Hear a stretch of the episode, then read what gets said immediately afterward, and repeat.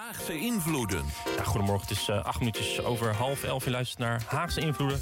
Het wekelijks radioprogramma dat gaat over hoe en door wie invloed wordt uitgeoefend op de politieke besluitvorming hier in Den Haag. Hij zat onder andere in het adviesteam gedragsunit corona voor het kabinet. En onlangs adviseerde hij met collega's minister uh, voor Energie Rob Jetten met aanbevelingen om, en ik citeer, beter rekening te houden met de houding, wensen en voorkeuren van burgers en andere betrokken doelgroepen ten opzichte van de voorgestelde klimaat-energiemaatregelen. In andere woorden, hoe krijg je de samenleving mee in de klimaat- en energietransitie? En actueler, hoe doe je dat wanneer mensen toch even iets anders aan hun hoofd hebben? Bijvoorbeeld, red ik het wel om rond te komen deze maand vanwege oplopende kosten zoals de energierekening? Ik praat erover met gedrags wetenschapper Rijnjan Renes. Rijnjan, goedemorgen. Goedemorgen. Hoe is het? Ja, goed. Het regent buiten, dat vind ik iets minder, maar goed. Ja. Het gaat goed. Wat is makkelijker eigenlijk? Mensen vragen anderhalve meter afstand te houden... of om te vragen een warmtepomp te nemen? Oeh, dat is een goede vraag, zeg. Um, het heeft eigenlijk allebei zijn eigen uitdaging. Daar waar het bij de warmtepompen best wel veel vraag van mensen. Want het is iets wat je moet kopen. Het is best wel complex. Je weet niet, misschien niet hoe je het moet doen. Dus dat maakt dat heel erg lastig. Maar bij anderhalve meter is het grote probleem dat je dat niet in je eentje kan doen. Daar heb je weer anderen voor nodig die misschien toch wel in jouw anderhalve meter komen. Dus dat is meer een sociaal gedrag. En eigenlijk heb jij met deze vraag bijna meteen de kern van waarom het ook zo moeilijk is. Ieder gedrag is weer anders. Ja. En dan moet je ook bereid zijn om daar weer apart naar te kijken. Nou ja, het kabinet krijgt ook vragen um, uh, van, uh, met de vele crisis die nu op een bordje liggen. Waarom komt er niet een, een persconferentie weer zoals we dat deden met corona? Uh, en, ja. en hoewel het natuurlijk twee verschillende crisis zijn, snap ik die vraag ook wel van mensen. Van, want hebben we niet een beeld gecreëerd dat het echt heel urgent is dat we dan Rutte zien naast de minister?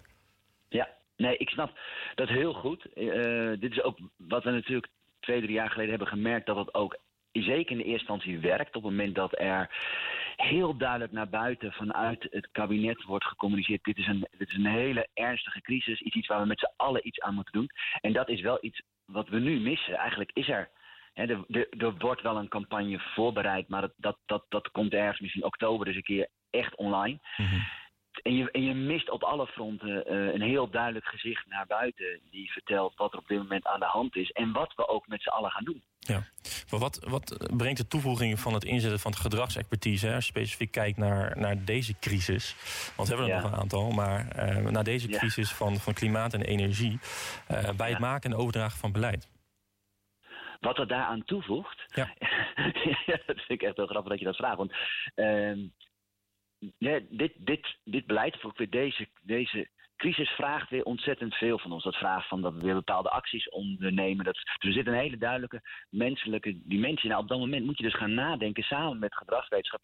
Wat is het waarin we mensen voor, voor dit soort gedragen kunnen motiveren? Wat vragen we sowieso van mensen? Hoe doen we dat dan goed? Welke obstakels liggen er nu dat mensen bepaalde dingen niet doen? Nou, als je al die zaken niet serieus neemt maar vervolgens wel tegen mensen zeggen: ja, we moeten iets met z'n allen, maar het is onduidelijk wat. En je weet ook niet wat, wat mensen daadwerkelijk tot actie hebben. Ja, dan is de kans dat je effectief beleid hebt heel klein. Nee, daarom, daarom vroeg ik het ook. De toevoeging lijkt mij duidelijk. Maar had het dan niet veel. Ja. Uh, is dat ook niet, volgens mij ook wat, wat jij vaker betoogde? Dat, dat, uh, uh, dat daar te weinig in zit. Hè? Mensen zijn, zijn minder ontvankelijk voor rationeel beleid. Zij zijn veel meer bezig met hun emotionele toestand. Van hoe gaat het? En, en kan ik de rekening wel betalen? Of kan ik überhaupt deze maand wel doorkomen. Um, ja. Dus had gedragskennis ook niet eerder ingezet moeten worden... bijvoorbeeld als je kijkt naar de klimaat- en energievraagstuk? Ja, nee, ik ben het heel erg met je eens. En, en dit is eigenlijk ook een van de adviezen die we dus voor de zomer aan de overheid hebben gegeven, is betrek gedragswetenschappers veel eerder. Ja, dan kun je natuurlijk de logische vraag stellen van waarom doen ze dat dan niet? En dat heeft toch vaak te maken met dat uh, de huidige cultuur en de huidige wijze van uh, handelen bij de overheid is vaak wel meteen denken in... nou, we gaan communicatie, we gaan de ernst uitleggen... we hebben de bestaande regels als subsidies, we kunnen wetten... We kunnen, en, en, maar het daarbij misschien veel slimmer vanuit gedragspsychologische inzicht ook nadenken van... Maar hoe kun je mensen motiveren? En wat speelt er eigenlijk binnen dit vraag? Dit is een heel andere type vraagstuk dan bijvoorbeeld de pandemie, waar je net al heel mooi aangaf. Hè? Anderhalve meter is een totaal ander vraagstuk. Dan wil je mensen aan de warmte pompen of je wil dat ze korter gaan douchen. Ja. Dus dat, maar, maar dat dus ook als beleidsmaker of als, als politicus ook ja, snappen dat dat dus een hele eigen ambacht is. En dat we daar misschien veel meer met elkaar over moeten nadenken. In plaats van alleen maar ja, ambtenaren aannemen ook in een overheid die misschien in economische principes denken in plaats van in gedragsprincipes, ja, dan verandert er ook niks. Het barst van de communicatie-experts, maar te weinig gedragswetenschappers. Ja. ik denk ja, wat, ja, om heel eerlijk te zijn, ja, ik denk dat wat we hebben gezien ook in, in de pandemie is dat er ongelooflijk veel nagedacht wordt over hoe de tekst van een persconferentie moet zijn. Terwijl gedragspsychologie vraagt ook over, ja, maar hoe zet je uh, een samenleving op? En wat voor een architectuur zet je in de samenleving neer, waardoor datgene wat we van mensen gaan vragen ook gewoon makkelijker wordt. En, en ook vanzelfsprekend wordt. Is dat anders dan, dan, dan jaren geleden? Hè? Het eigenlijk beïnvloeden, het is misschien een negatieve uh, connotatie... maar het beïnvloeden van, van burgers, de samenleving... is dat anders dan pakweg 10, 20 jaar geleden? Nou, ik denk wel dat er uh, een tijd is geweest waarbij de overheid meer zichzelf echt tot taak zag om ook uh, van burgers, zeg maar, burgers te maken. Dus dat we met z'n allen beseffen dat we in een samenleving zitten waarin we ook bepaalde uh, taken gewoon hebben. Hè. Het, is, het is leuk dat je voor jezelf alles wil, maar je neemt ook deel aan een samenleving. En dat vraagt ook dat je je op een bepaalde manier gedraagt, misschien volgens de normen van de samenleving. Ja, de oude postbus 51, ik zeg, ik zeg zeker niet dat die terug moeten komen, maar het feit dat ze er waren gaf wel aan dat de overheid vond dat ze ook een taak daarin hadden om een bepaalde waarde mee te geven aan burgers. Nou, dat zie je wel, dat dat in de afgelopen 10, 15 jaar, uh, dat, dat daar heel veel aarzeling is ontstaan. Omdat nog, ja, dat is heel paternalistisch, zo willen we niet zijn. Uh, moet het aan de markt en, en burgers die kunnen ook zelf wel besluiten. Nou, dat is dus de vraag. Als je in dit soort type crisissen, die echt iets vragen van het collectief, dan moet je dus ook mensen hebben die collectief willen handelen. En vanuit het, vanuit het collectief willen handelen. Dat is heel moeilijk. Hebben uh, moeten we niet een stap terug? Hebben, moeten we niet eerst ons kabinet, ons landelijk bestuur uh, beïnvloeden... op een andere manier na te denken... en daarna pas na te denken over hoe we de samenleving meekrijgen? Ja, ik vind het een hele fijne vraag. Want ja, dus, ik weet niet of je het rapport hebt gelezen... maar dit was wel precies wat we zeiden. Ja. Je kan niet vragen van een samenleving, hè, burgers, bedrijven, boeren misschien ook wel. Hè, al die groepen die op dit moment waarvan alles van, die onder stress staan, vragen om heel anders te handelen. Mhm. En op een andere manier ook keuzes te maken. Terwijl je als overheid eigenlijk nog heel erg vanuit je bestaande modus opereert. Dat is, hè, wij zeggen zo vaak betrek burgers en bedrijven bij je, beleid, uh, bij je beleidsmaatregelen en bij hoe je denkt. Maar dat vinden ze heel moeilijk. Hè. Dat betekent ook loslaten. Zij moeten ook dingen loslaten. Ja, dat, dat, dat gaat niet vanzelf. Nee, en dan hebben ze ook nog een 3,3 als cijfer. U werkt op de Hogeschool van Amsterdam. Dat is niet, dat is niet hoog, hè, dat vertrouwen in het, in het kabinet. Nee, nee, oh, nee, nee, nee, klopt. En we hebben ook gezien, vertrouwen is cruciaal in dit soort collectieve vraagstukken. Ja, ja, als je kijkt naar uh, de huidige crisis, hè, als we kijken naar waar u ook uh, uh, expert op bent, hè, als het gaat aan de klimaat- en energietransitie. Um, u was daarvoor al aan het nadenken van wat moet de boodschap zijn, hoe kunnen we de overheid helpen. u adviseert onder andere de overheid om die boodschap over te brengen. Maar toen kwam de oorlog in Oekraïne. we ja. hebben nu bizarre gasprijzen, de energierekening loopt op. Wat moet de boodschap zijn nu in deze crisis van het kabinet? Ja, dat is, dat is echt een hele moeilijke vraag. Maar, maar, maar eigenlijk, eigenlijk kun je ook zeggen dat de gascrisis is ook een soort blessing in the sky. Ja, dat, dat, is een tweede vraag inderdaad, ja. Ja, nee, want het is, het is eigenlijk geestelijk in één keer heel tastbaar weer wat we al heel lang weten. Mhm. Namelijk dat hoe wij op dit moment uh, leven met z'n allen, dat dat niet duurzaam is. Dat gaat op den duur ergens tegen de grenzen aanlopen. En dit is er nu één. Je kunt zeggen, die Oekraïne-crisis staat er los van. Die Oekraïne-crisis komt voort uit datgene wat we al jaren aangeven. Namelijk dat er rondom olie, de, natuurlijk dit soort type grondstoffen, daar, daar, daar gaat spanningen ontstaan. Dit is er één.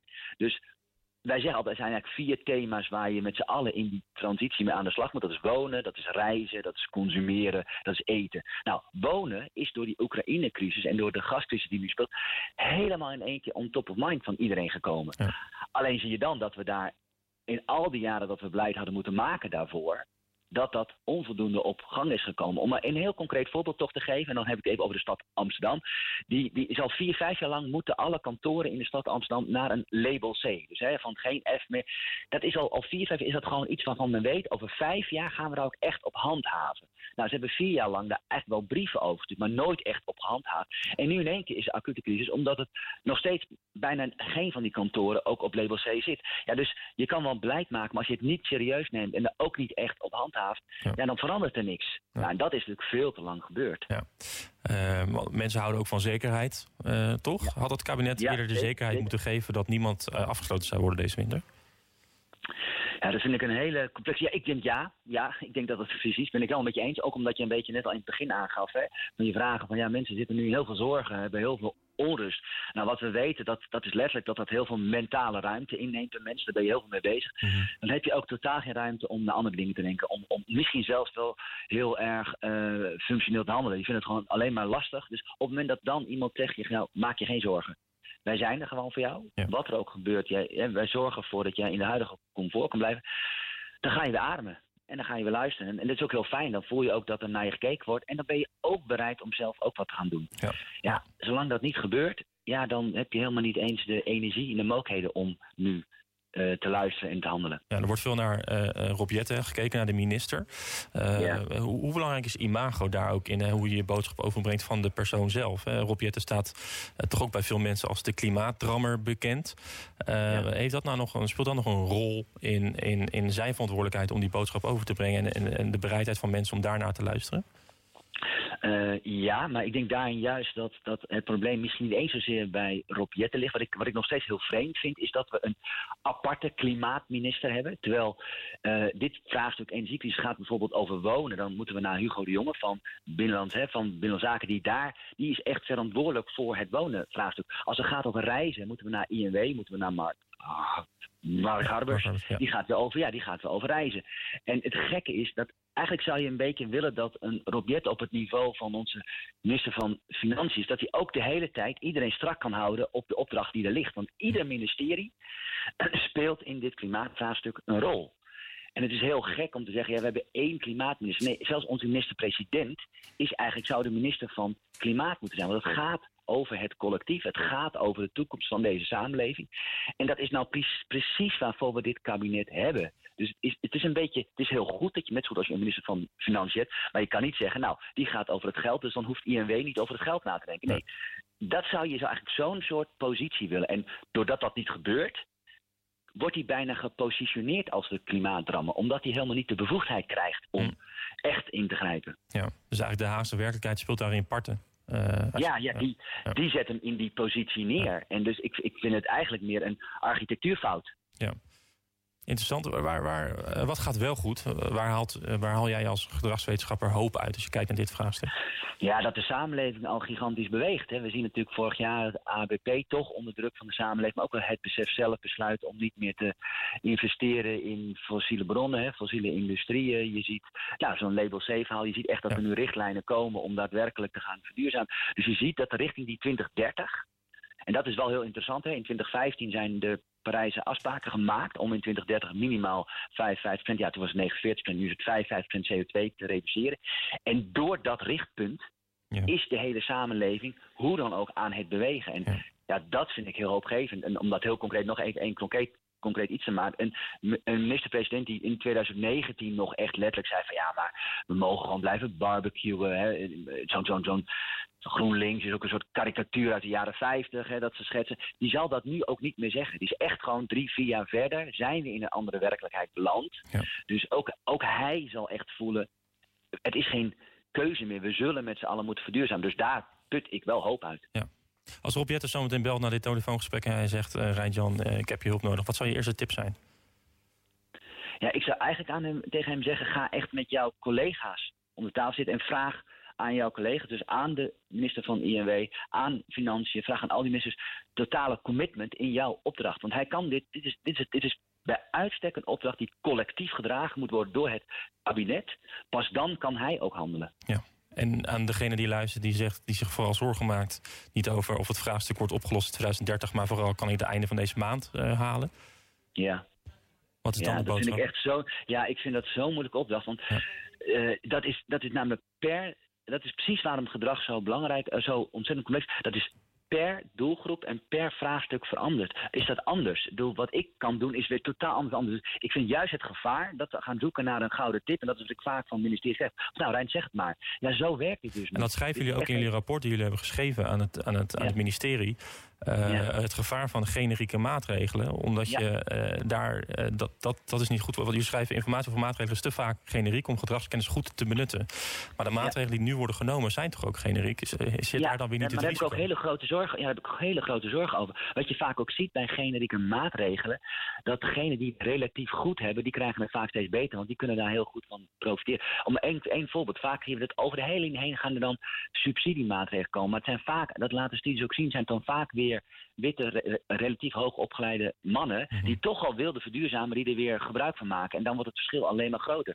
Dus we zien dat je, dit moet je echt, die fixbrigade, dat zijn eigenlijk gewoon echt daadwerkelijk groepen mensen die bij mensen thuiskomen en de boel op gaan lossen. Dat is een gigantisch goede maatregel voor mensen die het heel, die het heel kwetsbaar hebben.